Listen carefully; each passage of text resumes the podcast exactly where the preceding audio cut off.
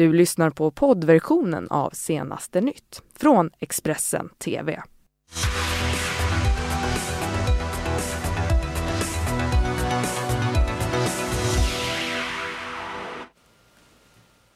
Ja, då var det Fredrik Lenander kvar här i studion. Senaste nytt rullar dock vidare denna torsdag där vi fortsätter att lova leverera nyheter till er. Så här ser det ut just nu med rubrikerna.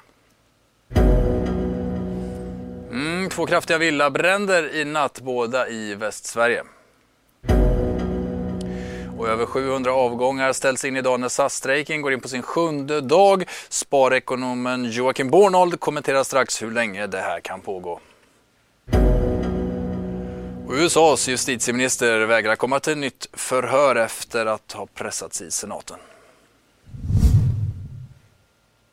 Ja, vi börjar med villabränder i Västsverige som har härjat under natten. En i Landvetter utanför Göteborg och en i Dragsmark utanför Uddevalla.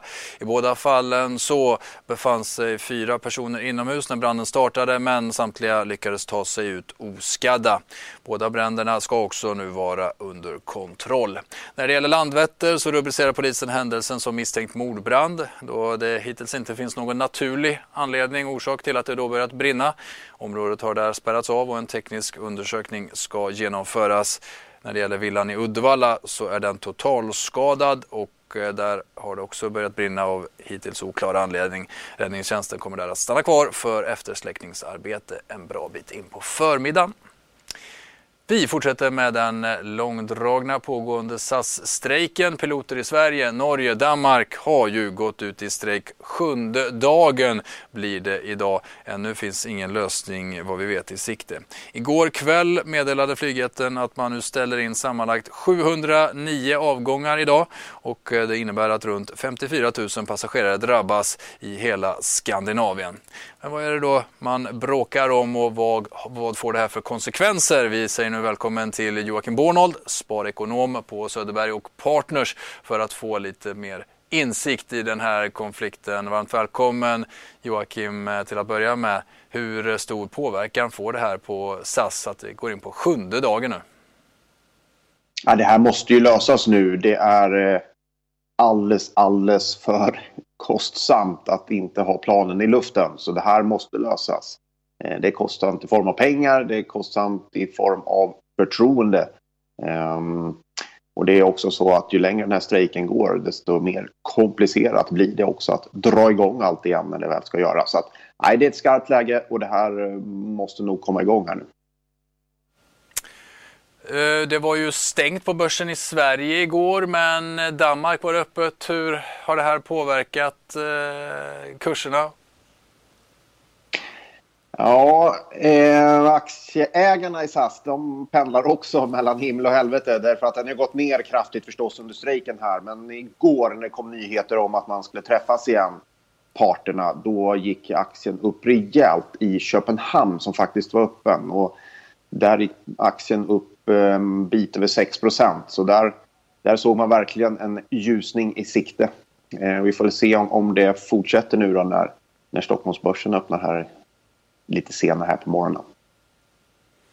Ja, hur, hur, går egentligen eh, tankarna där, vilka som har rätten på sin sida och hur påverkar det börsen? Eh, vem, vem är det som vinner opinionskriget, PR-kriget här av piloterna och, och bolaget?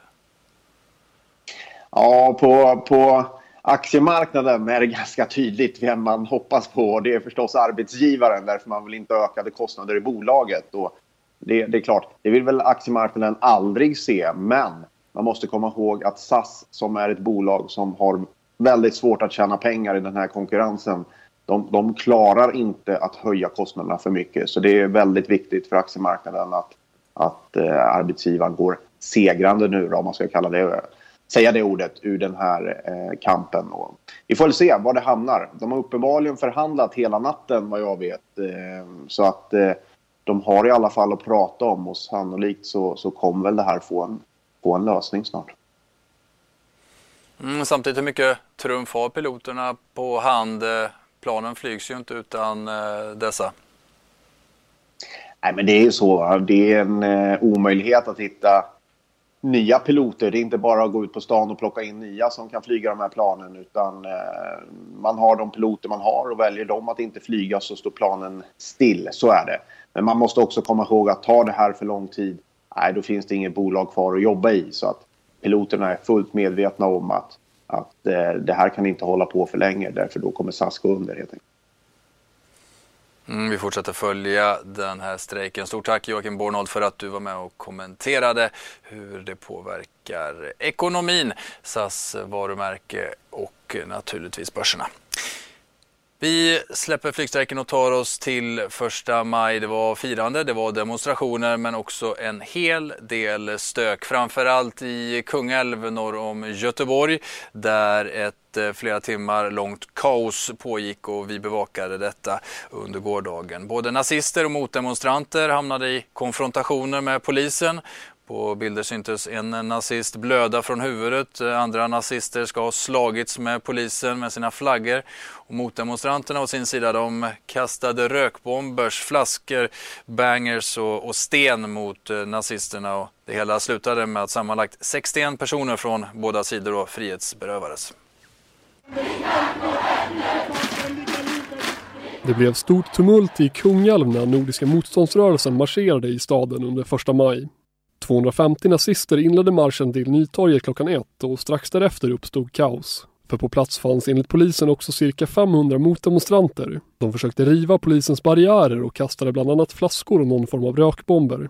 Polisen skriver på sin hemsida att det även ska ha kastats gassten mot polis på plats. Och när nazisterna tågade tillbaka från torget uppstod nytt kaos.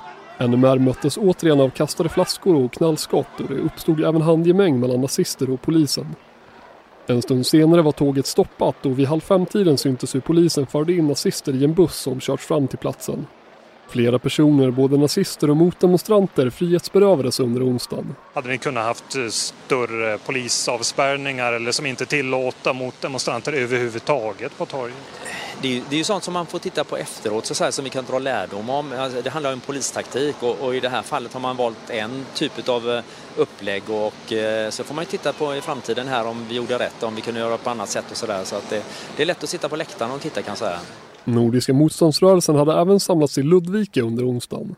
Ungefär 100 nazister fanns på plats men där gick det betydligt lugnare till enligt Expressens utsända. Förvånansvärt få eh, konfrontationer mellan nazister och motdemonstranter trots att det inte har funnits särskilt många avspärrningar överhuvudtaget i stan. Vi tar oss till USA där lärare i delstaten Florida snart får gå beväpnade i klassrummen. Ja, det här står klart efter att en majoritet i representanthuset röstat ja till ett lagförslag som Demokraterna försökt att fördröja. Den republikanske guvernören Ron DeSantis väntas inom kort att underteckna och därigenom omvandla det här förslaget till lag. Och det innebär alltså att skolområden som vill vara med i ett system med frivilliga skolvakter får då rätt att beväpna de lärare som genomgått en kurs på 144 timmar. I februari i fjol så gick ju en tidigare elev in på en eh, gymnasieskola i Parkland, Florida med ett halvautomatiskt vapen och dödade 17 personer och skadade 17 andra. Och efter den skjutningen så har eh, president Donald Trump och vapenlobbyn NRA då argumenterat för att beväpnade lärare kan vara det bästa sättet att avstyra liknande händelser. Vi stannar kvar i USA där justitieministern William Barr frågades ut under gårdagen i kongressen om Rysslandsutredningen. Och redan inför förhöret så blev det känt att den särskilda åklagaren Robert Mueller då kritiserat Barr för hur Rysslandsutredningen sammanfattades och presenterades. Barr vägrar nu vittna inför representanthusets justitieskott uppger CNN. Vår korrespondent Thomas Kvarnkullen berättar mer.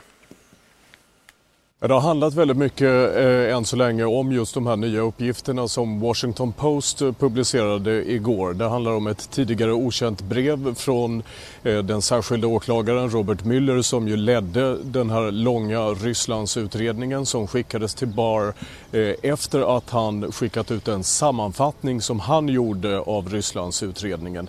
Eh, och eh, i det här brevet så framförde Robert Mueller eh, kritik mot eh, hur hans hans eh, arbete hade sammanfattats. Han menade att det inte eh, hade gett hela bilden av resultatet av utredningen och eh, hävdade samtidigt att det nu råder förvirring bland allmänheten kring viktiga aspekter av utredningens resultat.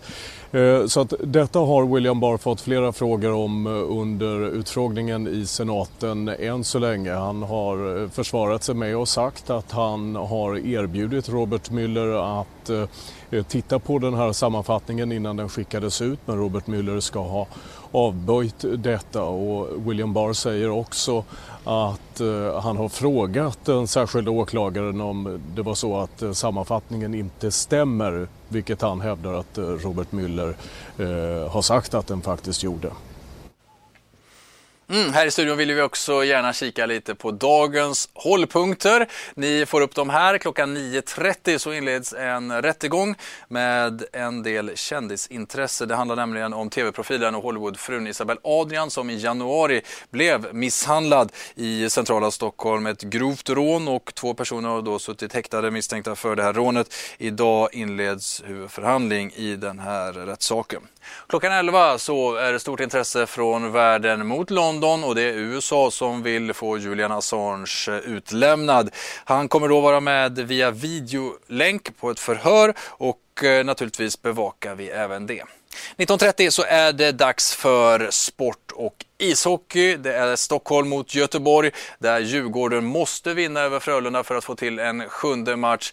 På eh, dagens match kan alltså göteborgarna avgöra det hela. Det kan bli SM-guld till Frölunda. Vi fortsätter naturligtvis från Sportexpressens sida att hålla all koll på hockeyn men härifrån studion så blir det mycket mer nyheter fram till klockan 10 här i Senaste Nytt. Vi är glada att ni hänger med oss då alldeles strax tillbaka med mer. Du har lyssnat på poddversionen av Senaste Nytt från Expressen TV. Ansvarig utgivare är Thomas Mattsson. Ett poddtips från Podplay. I fallen jag aldrig glömmer djupdyker Hasse Aro i arbetet bakom några av Sveriges mest uppseendeväckande brottsutredningar går vi in med hemlig telefonavlyssning och, och då upplever vi att vi får en total förändring av hans beteende. Vad är det som händer nu? Vem är det som läcker? Och så säger han att jag är kriminell, jag har varit kriminell i hela mitt liv men att mörda ett barn, där går min gräns. Nya säsongen av Fallen jag aldrig glömmer på Podplay.